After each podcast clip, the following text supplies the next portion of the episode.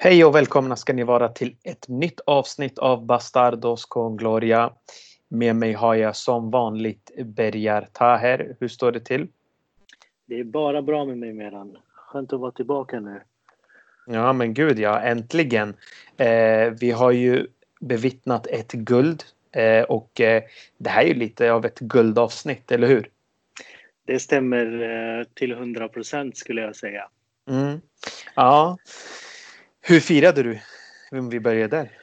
Um, du, jag var hemma och um, vart ju inte så jättenervös. Det var ju Villarreal-matchen.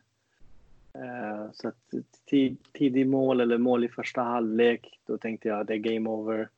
Ja. Uh, redan matchen innan, Granada, uh, så um, den vinsten var oerhört viktig. Eh, så jag var, med, jag var inställd på att, uh, att det luktade guld som vi pratade om. Uh, så att det kom inte som ett jättefirande eller ett, ett chock utan det var mer att jag var väldigt glad, väldigt positiv mm. till vad vi har åstadkommit. för det var inte tänkt att vi skulle vinna guld den här säsongen. Nej. Ja men verkligen. Eh, eh, om vi börjar där. Eh, det var ju ingen som hade de förväntningarna. Absolut inte jag. Eh, jag var, man var ju väldigt skeptisk. Det var ju några spelare som man trodde verkligen hade kört sin sista mil. Eh, och eh, sen tar ju Zidane över och det fortsätter lite vackligt och sen händer det något efter corona och man kan ju konstatera att eh, Real Madrid har också varit en vägg. Eh, både eh, målvakten och försvarsspelet har ju sett riktigt, riktigt fint ut. Om vi ska gå in på några nycklar till varför Real Madrid tar hem guldet. Jag tänkte att jag kan börja där och sen får du gärna fylla på. Men en nyckel som jag var inne på tidigare när vi pratade du och jag, det var ju att eh, jag sa ju då att jag tror att det är 11 finaler för Real Madrid och Real Madrid när det är kniven mot strupen så brukar man kunna i alla fall leverera. Man, man eh, samlar ihop sig och man vet hur viktigt det är för klubben att ta en titel och eh, det är ju skillnaden mellan en stor klubb och en klubb som kanske inte har de här ambitionerna. Det är ju eh, en sak men i den här nyckeln då som är eh, poängen här, det är ju då Zidane. Eh, för mig så har han inte bara taktiskt varit eh, eh, väldigt skicklig, men som jag sa då i avsnittet innan, för det är lyssnarna som kommer ihåg, så sa jag han är väldigt bra på att samla spelarna mot ett och samma ändamål. Eh, han bevarar harmonin i truppen och han är väldigt duktig på att ge den här känslan av att det är vi tillsammans som ska göra det. Sen har han inte lyckats kanske lika bra, eller om man vill se det tvärtom, när det kommer till Bale och James. Eh, men inte för att fastna på individuella spelare som bidrog noll, så vill jag ändå eh, påpeka att det var en viktig faktor för mig.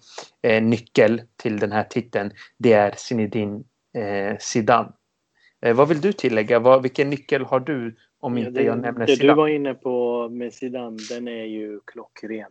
Mm. Han är ju så rätt man för den här klubben och för just den här truppen också. Eh, en annan grej är ju också de här gamla rävarna som vi har i laget med Ramos, med Modric, med Benzema. Eh, att de också ser upp till det Zidane vill förmedla och eh, även få med sig de yngre spelarna som är runt omkring i truppen och varit inne i startelvan och gör jobbet och visar vägen. Det har också varit en eh, nyckel. Spelarna på plan, eh, framför Verkligen. allt eh, stommen då skulle jag säga, eh, ryggraden och de äldre spelarna har verkligen, verkligen visat vägen. Och det tillsammans med Zidans genialiska taktiska förmågor och flexibilitet som du var lite mm. inne på och sättet hur han leder laget och hur han motiverar de här äldre spelarna att ändå leverera på sin nivå och inte bara det. Den här säsongen har vi även fått se en annan nivå på Karim Benzema. Vi har fått se en annan nivå på Sergio Ramos och så vidare. Så att, eh, eh, de, de, gamla rävarna tillsammans med Zidane, eh, det har ju varit nycklarna. Mm. Sen var ju coronan eh, jag tycker innan coronan också så var vi det bästa laget i ligan eh, sett till eh, matcher mot topplagen bland annat. Eh, vill man vinna en liga så vill man vinna den som Real Madrid har gjort den här säsongen. Eh, vi har nämligen vi har inte blivit besegrade av eh, något av topp 6-lagen eh, och tagit minst fyra poäng mot samtliga topp 6 om jag inte har fel. Mm. Så att en sån liga släpper in minst mål. En sån liga vill man ju verkligen, verkligen vinna, speciellt när, som jag var inne på innan du nämnde Zidane om att eh, vi var inte favoriter till det här. Du var inne på våren när Zidane tog Precis. över. Det blev inte en stor förändring. Han påpekade hela tiden att spelarna har eh, det är svårt att motivera dem just nu när de inte har något att spela om. Eh, försäsongen efter den stora förlusten mot Atletico, då var vi verkligen, verkligen borträknade. Eh, även om eh, Real Madrid som klubb har vinnarmentalitet i väggarna så fanns det frågetecken eh, på försäsongen och även värvningarna. Jag kommer ihåg att vi diskuterade mycket om eh, hur ser det ut med mittfältet. Vi har Casimiro och vi har Toni Kroos som eventuellt kan leverera men Modric är slut. Det, det var vi ju nästan överens om att ja. hon, han behöver sedan verkligen få igång. Ja. Vem, vem, finns det där då? Isco, han hade ju inte lirat på hela säsongen under eh, Solari framför allt. Eh, så han gick ni att räkna med. James gick inte att räkna med. En ung Valverde trodde vi, ja men han kanske kan eh, kliva in lite då och då. Aldrig få den här rollen som han fick eh, eh, under säsongen trodde vi på. Så att även värvningarna som var bra eh, på en del positioner, men det var ändå frågetecken på dem. Så eh, mm. våren, försäsongen, värvningarna, Zidane i sig var man lite så osäker på om, eh, om det är så att han kan verkligen återigen, det är ju svårt att komma tillbaks till en klubb. Det nämnde du till mig när vi eh, pratade eh, under ett samtal om ja. att eh, nämn någon som har gått tillbaks till, eh, till sin gamla klubb och lyckats göra om eller eh, göra det ännu bättre. Det, det, är svårt att komma på någon faktiskt. Verkligen. Eh, och de fråge, frågetecken hade man innan säsongen och eh, ack så fel vi hade. Ja men gud ja. Och jag vill också även lyfta fram en viktig eh, nyckel i det här och det är också eh, försvarsspelet. Jag menar, när var det senast vi såg Eh, ett liknande försvarsspel från Real Madrid. Eh, och det var alltså 12 år eller 11 år sedan man höll mm så många nollor på rad. Och det visar också att där Zidane också har taktiskt utvecklats. För att vi måste också slå lite hål på den här myten om att han har ingen spelidé eller han, han saknar taktisk kunskap. Eh, då hade ju vem som helst kunnat göra jobbet och vi vet ju att sånt där är ju bara snack på något forum. Så det hör inte hemma här på en professionell plan utan vi vet ju att för att vinna en titel, för att kunna få ihop ett gäng så är det inte bara att man har duktig man management, även om det är väldigt viktigt. Så måste man också ha lite av det taktisk kunskap och här eh, kommer jag ihåg då att Häromdagen så läste jag en jättefin tråd om vad Zidane har gjort eh, med sina olika formationer och vilken flexibilitet han har visat upp. Och, eh, Eh, jag är inte alltid för att läsa Twitter-trådar och ta dem som referens men i, den här, i det här fallet så var det liksom en taktisk genomgång på vad han gjorde bra.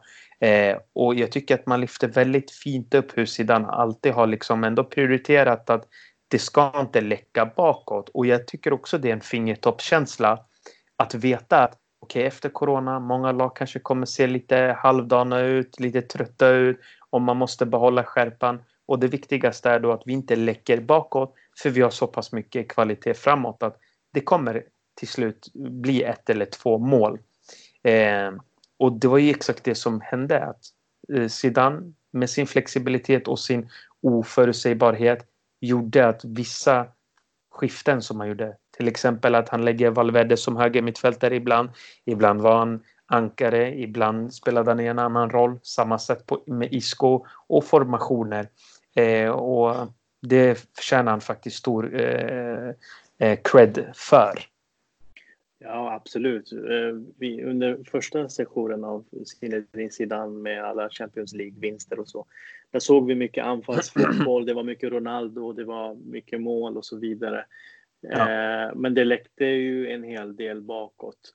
Eh, nu efter comebacken, man ser ju att han har tydligt, tydligt eh, utvecklat sina taktiska förmågor när det gäller försvarsspelet. Man såg vissa tendenser i stora matcher i Champions League framför allt där Real kunde eh, lida genom en match men ändå kunna hålla en eh, någorlunda bra balans och en bra, ett bra resultat. Mm. Eh, men eh, nu var det ännu tydligare och för mig det, det, syns, det syntes ju nu väldigt mycket efter coronan, men även under hela säsongen ja, eh, har, vi, har vi ju sett att eh, eh det har varit stabilt bakåt. Eh, vi har också diskuterat det här eh, tidigare om att okej, okay, nu är Ronaldo borta. Eh, hur, varför skulle en klubb som Atletico Madrid kunna nå två Champions League-finaler på kort tid när de inte har en Messi och en Ronaldo. Varför skulle inte en klubb som Real Madrid kunna göra det utan Ronaldo har vi diskuterat. Mm. Och eh, Verkligen. Eh, Zidane har ju, han, är, han är också en, en, en tränare som, eh, som är väldigt flexibel, inte bara i sitt taktiska och managementsätt utan han är ju flexibel i den truppen han får också. Han tar ju bara över och eh, som han gjorde första gången och in med Casemiro och spela lite mer med Lucas Vasquez och så vidare och har sin fingertoppskänsla i det hela. Eh, så sitter, sätter sin egen prägel. Eh, men, ja, det men finns det ju menar... ingen bättre love story än Vasquez och Zidane. Eller hur? Eh, men, men det jag menar är också att han är väldigt flexibel och anpassar sig till situationerna han befinner sig i. Ja. I den här gången så har han ju uppenbarligen ingen Ronaldo. Han har Nej, ingen som exakt. kan göra 35-40 mål framåt. Så vad måste vi förbättra? Jo, det är försvarsspelet. Hur utvecklar vi den? Så det Precis är så, så. Äh, de, har, de har jobbat. Jag mm. tycker ändå det, det är grymt gjort eh, efter coronan, men framförallt under hela säsongen. Om man tittar två matcher möter man Barca, släpper inte in mål i någon av de matcherna. Eh, man möter Atletico två gånger, släpper inte in mål i någon av de två matcherna och så vidare. Så man, man, man har gjort, eh, det har varit på gång hela tiden men det blev ja. extra synligt nu eh, efter coronan med så tät, täta matcher in på varandra. Eh, och det stack ut verkligen med många 1-0 segrar nu än vad vi fick se innan. Alltså vad, vad sjukt nu när jag tänker på hur vi började. Eh, med Atleticos historiska förnedring av Real Madrid. Ja, precis. Kommer du ihåg? ja, 7-3. De trodde de hade vunnit Champions League. Jag tror de stod, stod kvar på plan eh, i mittcirkeln efter matchen och typ firade och gjorde high five.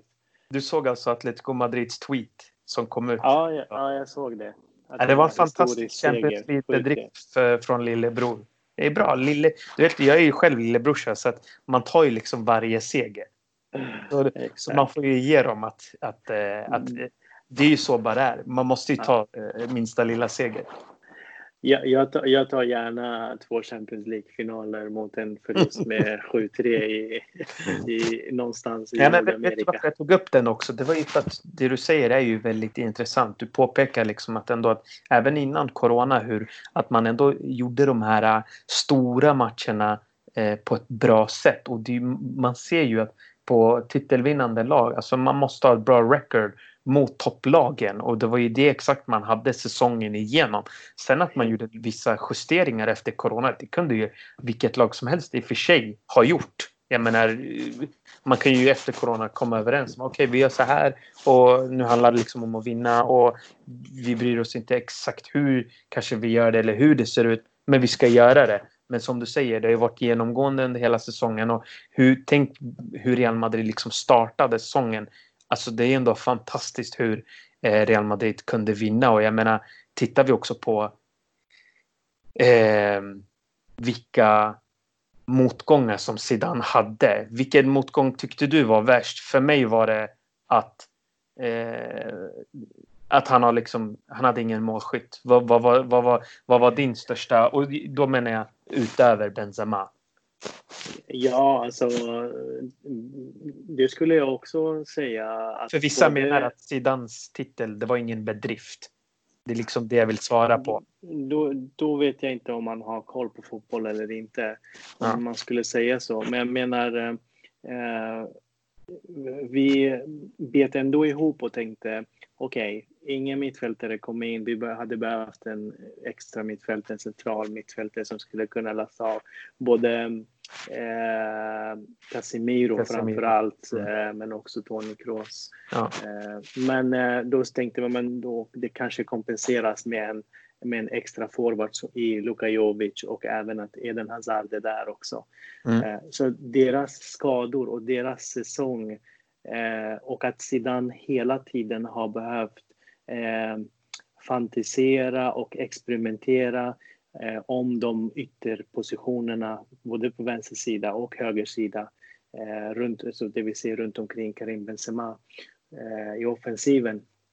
Eh, just mm. den motgången, eller just att varje match behöva ta ett sånt beslut, tror jag har varit tufft eh, för hans del.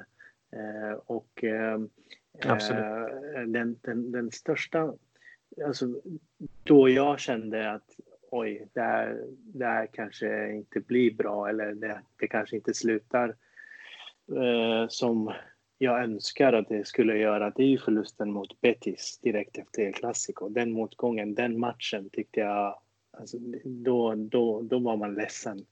Eh, efter att ha vunnit El Clasico och eh, eh tagit steget framåt så förlorar man direkt mot Betis, tappar eh, Eh, det sent i den matchen. Så det, det, var, det var tufft. Eh, eh, om, om jag ska bara tänka en match under säsongen. Mm. Men för övrigt så att hela tiden fått experimentera med offensiven runt omkring Benzema med yttrarna. Precis. Och att inte ha nytta av nästan 1,5 miljarder som Zidane och Real Madrid la ut på offensiva spelare. Jag har i princip spelat utan dem hela säsongen. Det var det jag tänkte säga att herregud, eh, det är också en motgång som jag tänker är ju ändå jobbig att få. För att eh, många pratar ju om det här eh, net spending, att man spenderar en viss summa och, och så. Och att då, då, ska det automatiskt göra så att man eh, plockar en titel. Absolut, net spending är jätteviktigt, men att nettospendera och sen inte få någonting för det heller Eh, det kan absolut vara en dålig kalkylering men vi pratar faktiskt om eh, Eden Hazard och Luka Jovic, två av de hetaste spelarna i världen, inte ens bara i eh, Europa. Eh, Hazard spe speciellt och de har inte bidragit i princip någonting till den här ligatiteln. Mm. Eh, Jovic, har, Jovic har haft det tufft utanför planen. Eh, även Hazard kommer liksom eh, eh tjock eh, till eh, första försäsongen. Eh, åker på tre, fyra skador under, eh, under säsongens gång och får inget riktigt flyt och ändå vinna titeln. Det säger ju väldigt mycket om varför vi anser att det är en bedrift. Eh, sen absolut ska Real Madrid alltid vinna men eh, det är ingen anledning till att eh, det inte skulle vara en bedrift utan Zidans säsong är mer än godkänd även om han åker mot City. Eh, det är stort att kunna leverera när din näst bästa målskytt är en mittback. Eh, vingarna, det pratade du och jag om. Eh, och då kommer jag ihåg att det var några alltid som blev irriterade på att men varför spelar inte den yttern nu och den yttern nu och den yttern nu och så vidare. Förutom att Zidane gillar att experimentera så vill han ju såklart spela med den han tycker är bäst, eller hur? Eh, mm. Om du och jag tävlar om samma position och tränaren märker att ja, men Berger är ju 20 gånger eh, bättre än Meran. Det är såklart han kommer spela dig alla gånger. Kanske en gång får jag spela. Och det är ju så, du och jag har sagt det flera gånger. Eh, litar inte på sina eh, kantspelare. Eh, och både Vinicius och Rodrigo är gröna. James och Bale är i frysboxen. Eh, Lucas Vasquez är inte tillräckligt skicklig för att hantera den positionen. Asensio åkte på en jättestor skada. Mm. Eh, och vi visste inte riktigt vad hans status var. Kommer in och gör det riktigt bra. Ja, så att... Ja, alltså det var en offens ja, offensiven, precis. Offensiven har varit eh, alltså den stora, det stora frågetecknet runt, runt eh, under hela säsongen i princip. Man har inte vetat vart man har Bale och inte James. Eh, och, och, verkligen inte hur det står till med, med vad heter det, eh, Hazard skada, Luka Jovic skada. Eh, Mariano till exempel som är tredje val har ju eh, Eh, bidragit till mer än vad Luka Jovic har gjort på hela säsongen. En Rodrigo eller en Vinicius Junior har bidragit till mer än vad eh, en Eden Hazard har gjort hela den här säsongen. Men för att förstärka det du var inne på, det Zidane alltid tänker på det är att eh, kommer den här spelaren, eh, han, förlåt, han tänker på eh, kommer den här matchen eh, passa den här spelaren som jag startar med?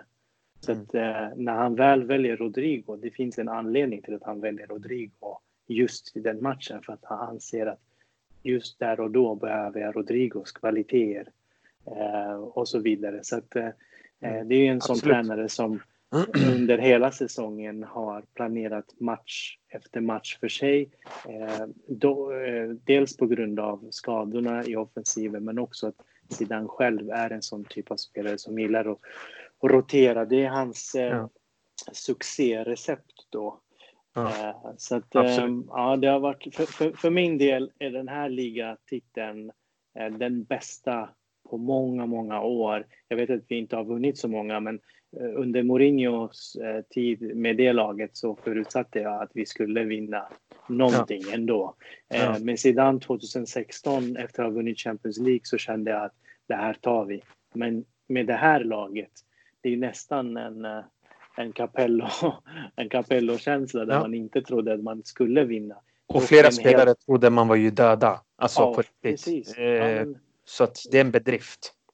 Verkligen. Och, eh, ja, och, eh, och för också stärka och lägga till så har vi ändå spelat bra fotboll också. Det har inte varit... Eh, Exakt. Eh, det har inte varit Eh, backa hem i 90 minuter och kontra in 1-0 varje match, utan det, det, vi har spelat bra fotboll. Jag tycker Sevilla har varit väldigt jämna, jättefina hela den här säsongen. Efteråt så eh, är vi där, Real Madrid är där och slåss om första platsen för vilket lag som har spelat bra fotboll och då tänker jag generellt, inte bara offensivt utan i liksom alla delar på en fotbollsplan. Ja, absolut. Eh, Bergar, vi går vidare från snacket om säsongen. Eh, vi är eh, givetvis riktigt glada, eh, lyckliga. Eh, Real Madrid gjorde det vi inte trodde de skulle göra i början när säsongen drog igång.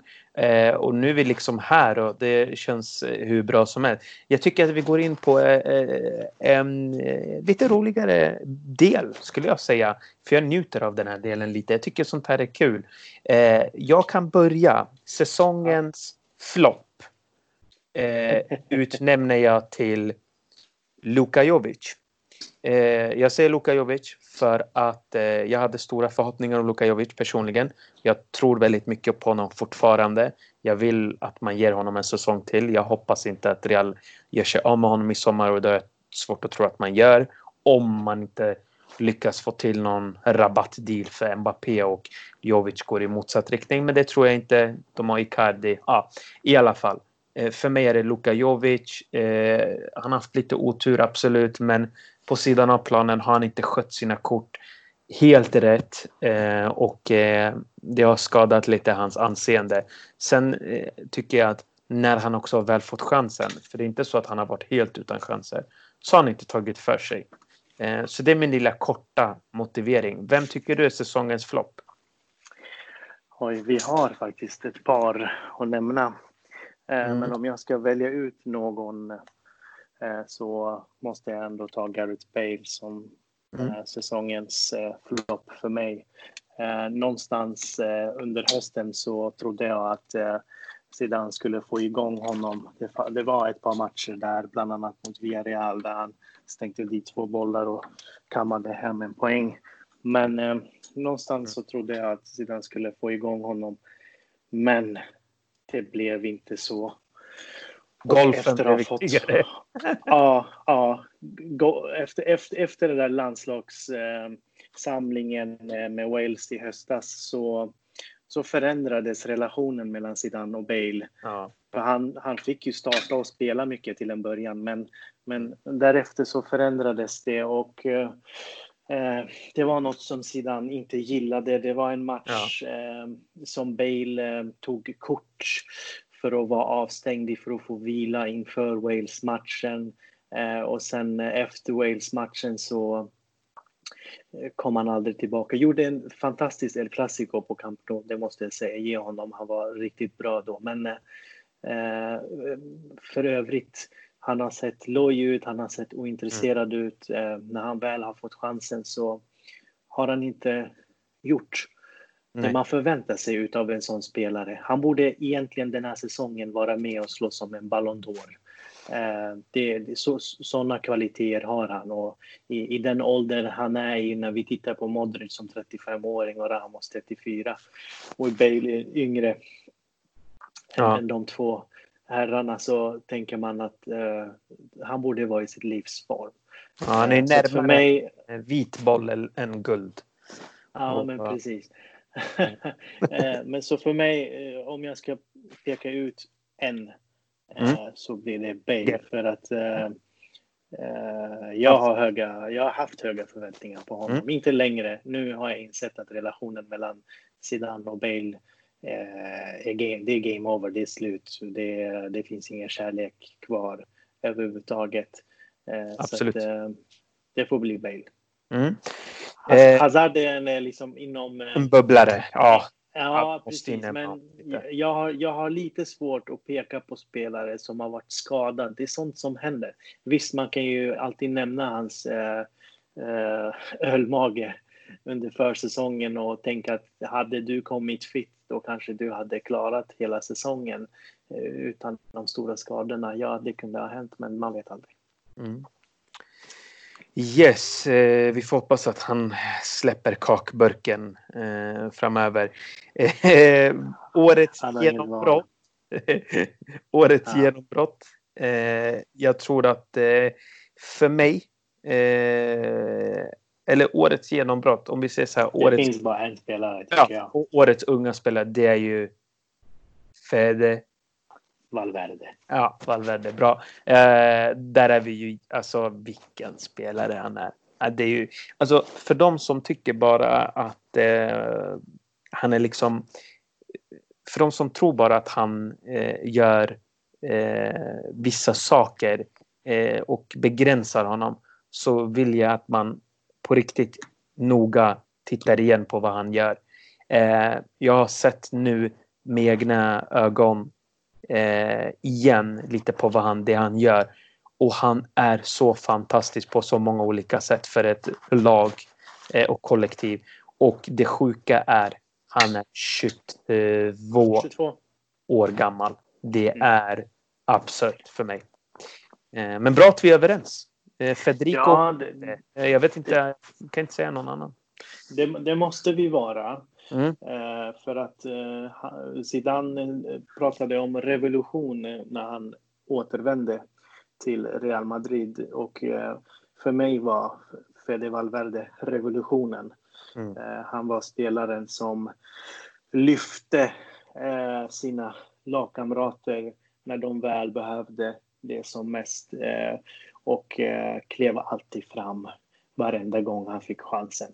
Ja, visst, han har haft vissa sämre matcher, men han har aldrig gjort en dålig match eller aldrig gjort en dålig eh, prestation eller haft en dålig prestation, utan han har varit där, han har löpt, han har krigat, han har kämpat eh, för tröjan, för Zidane, för laget. Så att eh, verkligen, verkligen en, en, en, en, spelare som slog igenom mm. på allvar. Och kul att han ändå har kommit via eh, ungdomslaget och Castilla och så där. Visst, han är ju köpt eh, för eh, några år sedan, men att han ändå fått komma som en talang och utvecklas i B-laget, i ungdomslaget och, ja. gå på lån i ett år. Det varit en långtidsskada också på honom eh, efter eller under tiden han var i Deportivo La Coruña.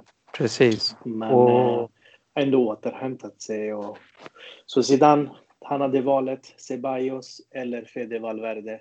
Han valde Valverde. Det var många som höjde på ögonbrynen. Men jag tror inte de gör det längre. Nej, precis. Och bara för att styrka det du säger om hans eh, eh, klubb, alltså känslan för klubbtillhörigheten. Vilken kapning på Alvaro Morata. den var briljant. Alltså, Säsongens kapning. Ja, det, det är garanterat. Ramos får slänga sig i väggen där. Eh, ja.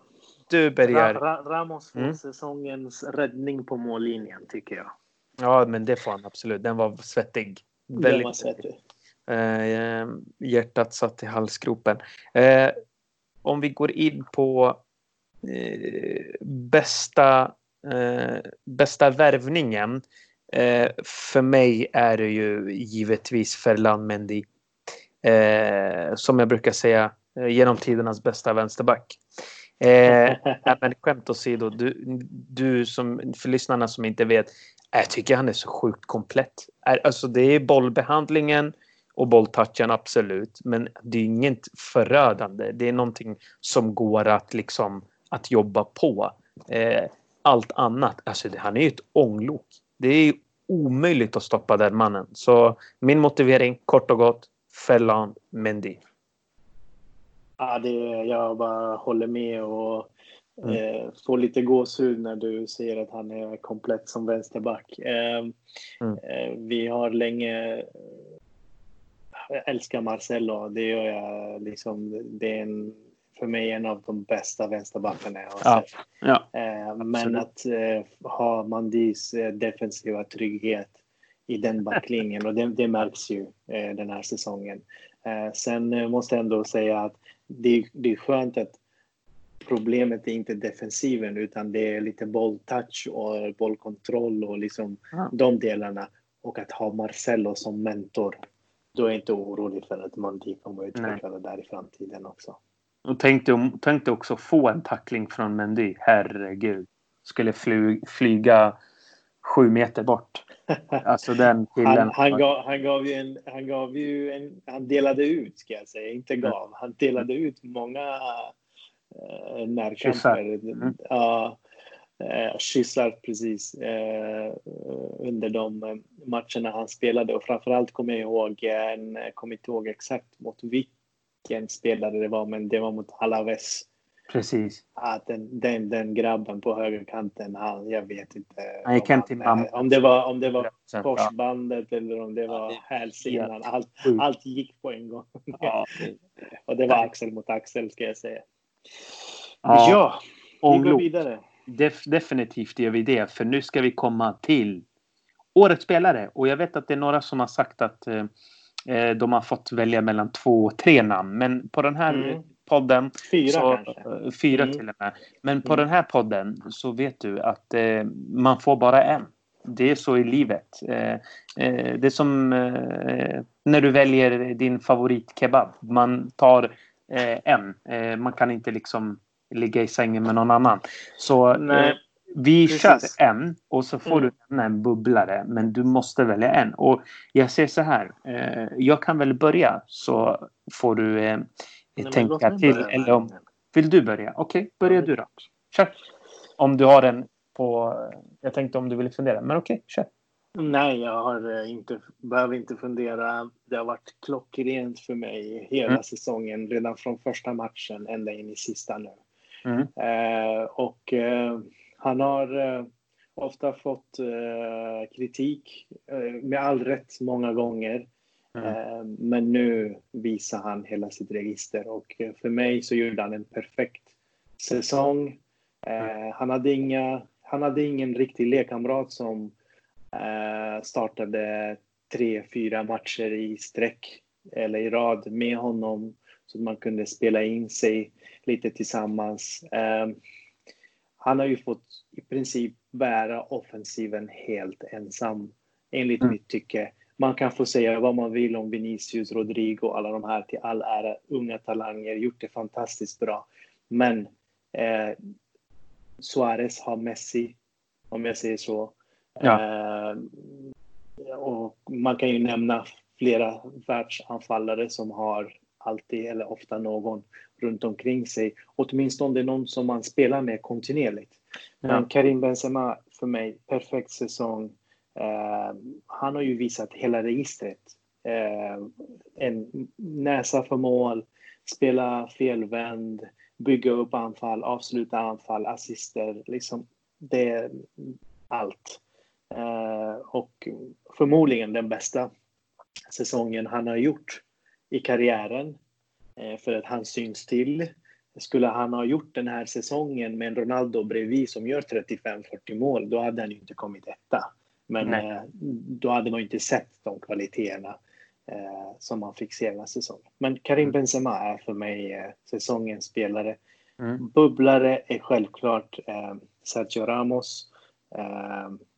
Varför jag tar honom, jag, jag, sa fyra tidigare, det är Courtois och Casimiro också som har spelat stora roller och varit nyckelspelare. Men vi har släppt in, om jag säger så här, framåt har han gjort 11 mål. 11 mål som mittback. Och bakåt har vi släppt in minst mål i ligan. Och kanske i Europa. Uh, om vi tittar på alla ligor. Så Sergio Ramos som mm. bubblare då. Yes, okej. Okay. Då kommer vi till min. Säsongens spelare uh, är... Jag funderade lite.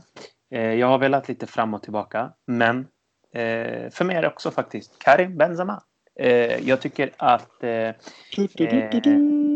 ja, precis. Jag tycker också att han har den här säsongen visat ledarskap.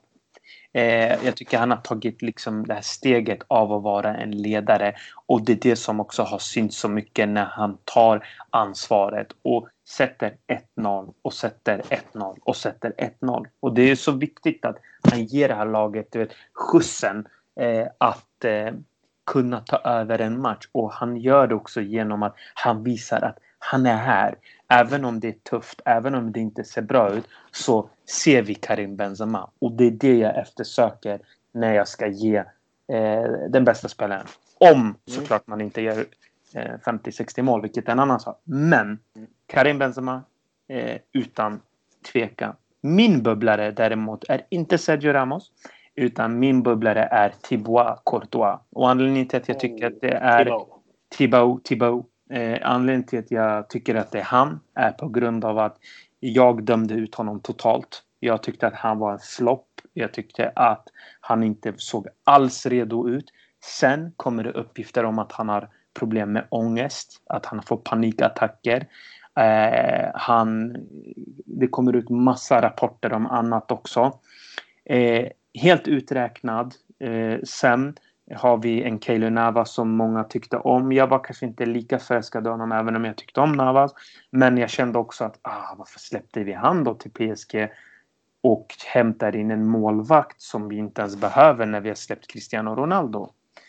Mm, det, som händer, det som händer är... Då. Mm. Ja, och det som händer då är att eh, det som händer är då helt enkelt att Courtois vänder på steken och som han gör det. Det är en sak du vet att ja, men han släppte in ett mål eller så. Han vinner Samora-trofén, alltså trofén som man får av, eh, av som man får av för, ja, för, för bästa målvakten. Eh, och den som håller... Som har släppt in, ja, som har hållit flest ja. Och gör liksom rekord på rekord och inger en sån trygghet att gå från att vara, du vet, en nolla, alltså förlåt liksom, uttrycket, men en nolla till att vara liksom en, en jävla tia. Det är helt sinnessjukt. Och jag älskar sådana stories. Eh, för det får mig emotionellt involverad. När jag vet också hur tufft han har haft det på sidan av planen ifrågasatt, eh, pratat om att han har varit deprimerad, ångest och så vidare. Och så kommer man att göra så här. Eh, som sagt, det är en sak att liksom som anfallare, vi säger att du har gjort 10 mål och du är utskrattad och sen kommer du tillbaka i 10 och du avslutar på 20. Fine, det är ju skitbra. Men du avslutar på 40. Då är det liksom, va? Vad hände här?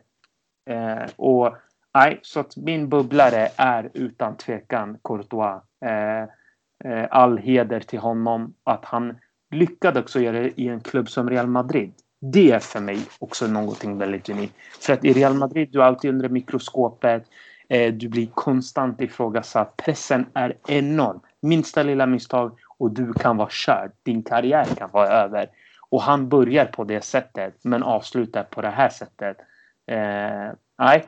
Ja, jag, jag förstår. Alltså, det var en, eh, vad ska man säga, en eh, guldstory som du berättar och det fick mig att börja tänka hur han har varit liksom eh, nere i botten och ändå rest sig upp hela vägen upp till toppen. Så att, eh, ja, och Mr Samora, det kan vi inte se så mycket Nej. om. Och, eh, du nämnde Keylor Navas. Om jag ser så här, Courtois har faktiskt fått mig att glömma Navas den här säsongen. Jag har inte tänkt på Navas ett dugg den här säsongen. Nej. Så att, eh, nej, verkligen, eh, verkligen fin och bra, bra, bra kap skulle jag säga nu. Verkligen. Med tanke på vem som står i The Blues just nu och eh, vem vi har i målet. Det, precis det jag ville säga. Att, eh, vilken värvning eh, mm. Det var. Eh, och så avslutar vi med då den bästa matchen.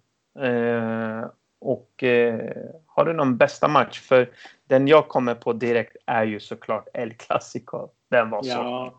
2-0 vinsten. Vinicius och Mariano. Eh, ja, det är ju alltid härligt att slå Barca. Har du någon annan match?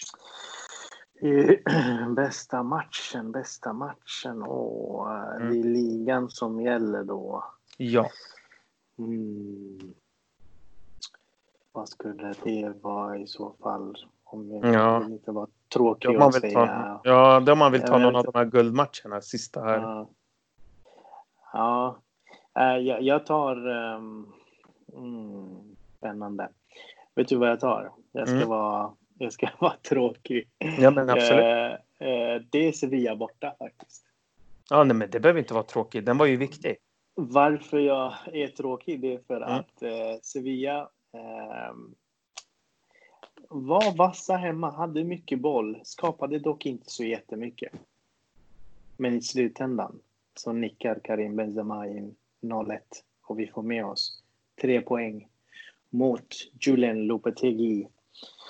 Eh, så att eh, jag tar den matchen. Eh, en annan rolig match skulle jag säga är ändå Valencia på Mestalla när Courtois går upp i vad är det, 95 minuten och karvar den till Karim Benzema igen ja. som trycker in en poäng. Så att, ja. Och kommer du ihåg det här då? Vi kanske ska ta den här också. Bästa mål. Ja, ja, bästa mål och bästa assist måste vi ändå ta. Bästa mål och bästa assist. För min bästa mål, det kommer jag ihåg, det är eh, den ena Kroos, Tony Kroos mot Celta Vigo. Jag tycker den var riktigt läcker. Eh, och sen tycker jag Karim Benzemas mot, vem är det där han får upp Valencia. Den? Är det mot Valencia? Ja, yes. den, den var riktigt fin. Assisten också, Benzema. Alltså, han, han gör en Gutti 2.0. Ja, just det. Mm. Backen till eh, Carlos Enrique Casemiro som trycker in 0-1 mot just det. Eh, ja. Spaniol. Mm. Eh, Casemiro, vilken, vilken alltså, hjälte den här säsongen. Eh, likt eh, ska jag säga, likt Benzema i offensiven så har Casemiro ändå varit själv, om man säger så, i den defensiva mittfälts, i den defensiva mittfältsrollen. Han har ju inte riktigt haft någon som har kunnat eh, kliva in så att han får vila och så vidare, utan han har ju fått spela i princip varenda match. Mm. Eh, så att eh, Casemiro behöver lyftas. Varann eh, som många trodde var slut förra säsongen gör en fantastisk säsong. Eh, inga skador, inga misstag, eh, helt klockren också. Eh, som måste nämnas. Rävarna, mm. Modric och Kroos, fantastiska. Så det, ja. Eh, jag vet att du och jag sitter nu och diskuterar i lugn och ro utan kanske några jättekänslor efter att ha vunnit det här guldet. Men, eh, men eh, vi ja. minns tillbaka och, och tycker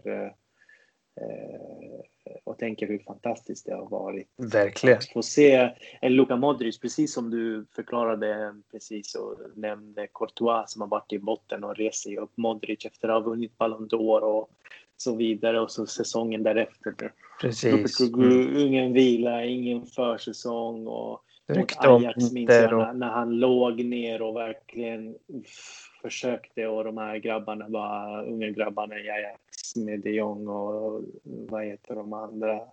De Ligt och... Van de Beek ja. och de här. Ja, precis att de bara körde kvadraten med honom just där och då. Jag var ju på plats och, såg den matchen. Men uh, mm. nu rest sig och framför allt efter coronan, vilket hjärta, vilken ja. människa. Ja, men verkligen. Så, så att mm. eh, hela laget, hela laget i princip, eh, förutom de vi har nämnt som har varit iskalla, har eh, verkligen klivit fram och eh, inte svikit Sisu. Verkligen. Ja, jag håller med. Eh, det har varit en fantastisk säsong. Vi minns mycket gott. Eh, El Clasico-vinsten. Vi minns Ramos alla straffmål som har varit kyligare än eh, ja, vem du vill. Eh, vi minns Karim Benzema, Varan, precis som du säger, hela laget i princip. Och även Zidane, en otrolig bedrift. Och som han själv säger det, det är inte lätt att vinna efter 38 omgångar. Det ska krävas väldigt mycket. En enorm bedrift från den mannen. Och eh, vi får hoppas att det kommer fortsätta så här och att eh, vi får eh, fira några ytterligare titlar tillsammans. Och det är ju tråkigt med KV där man inte kan fira. Men eh, när ljuset kommer så kommer vi alla stå där tillsammans i vita tröjorna och fira tillsammans förhoppningsvis. I den nya Bernabéu förmodligen som mm. eh, håller på att renoveras och bli klar. Om ett par år, det hoppas vi verkligen. Nej, men känslan är ju att eh, vi har något väldigt positivt på gång och den, den här ligatiteln eh, var oerhört viktig. Det, det har vi nämnt. Eh, vi har fortfarande ja. chans på Champions League också, men, eh, men ligan som ändå någonstans, även om vi räknades bort lite i början av säsongen, eh, så visste vi ju att ligan ändå var prio. Och att plocka hem det som är prio med, eh, trots skadorna, med massa förhinder på vägen. Ja. Eh, det är ju bara eh, amazing, liksom så fantastiskt att det har skett. Mm. Absolut. Eh, Berger, om det inte var något mer för den här avsnittet, guldavsnittet, eh, så Eh, passar på att tacka alla lyssnare som lyssnar. Eh, du och jag som vanligt, vi försöker göra eh, så många avsnitt vi kan. Mm. Du åker iväg en stund men du kommer tillbaka och då förhoppningsvis kan vi också snacka upp eller efter City, Real Madrid. Ja, det, blir, det blir innan City. Det mm. Ja, Eh, grymt. Och ni hittar också mig och Bergar på eh, Real Madrid Fans Sverige på Facebook där vi kommer göra en utlottning också av en t-shirt. Så vi hoppas att eh, ni vill vara med där. Och, eh, Vad står det på t-shirten? Campiones, campiones. Ole, ole, ole. Och den berömda siffran 34. Finns ju några som har en bra dit upp. Ja, det, det finns det. Precis. Och så finns det några som sägs ha ett antal siffror, men som kanske inte har det. Så 34. eh, det är ja, gäller liksom. Eh, och den är riktigt snygg, den tishan. Eh, eh, ska lätt eh, beställa den själv, men vi ska också lotta ut en till en lycklig vinnare. För att kunna vara med i den så måste man gå in på Real Madrid Fans Sverige på Facebook och likea där så kommer vi lotta ut den. Berger, om det inte var någonting mer för den här gången så vill jag tacka för att du var med. Tack. Det var inget mer än eh, Hala Madrid och eh, ja. eh, Ina, Ina Damas. Ina Damas, precis. Eh, tack till alla våra lyssnare eh, för att ni som vanligt lyssnar och stöder oss. Det värmer eh, våra eh, hjärtan och eh, på återseende helt enkelt. Adios. Adios.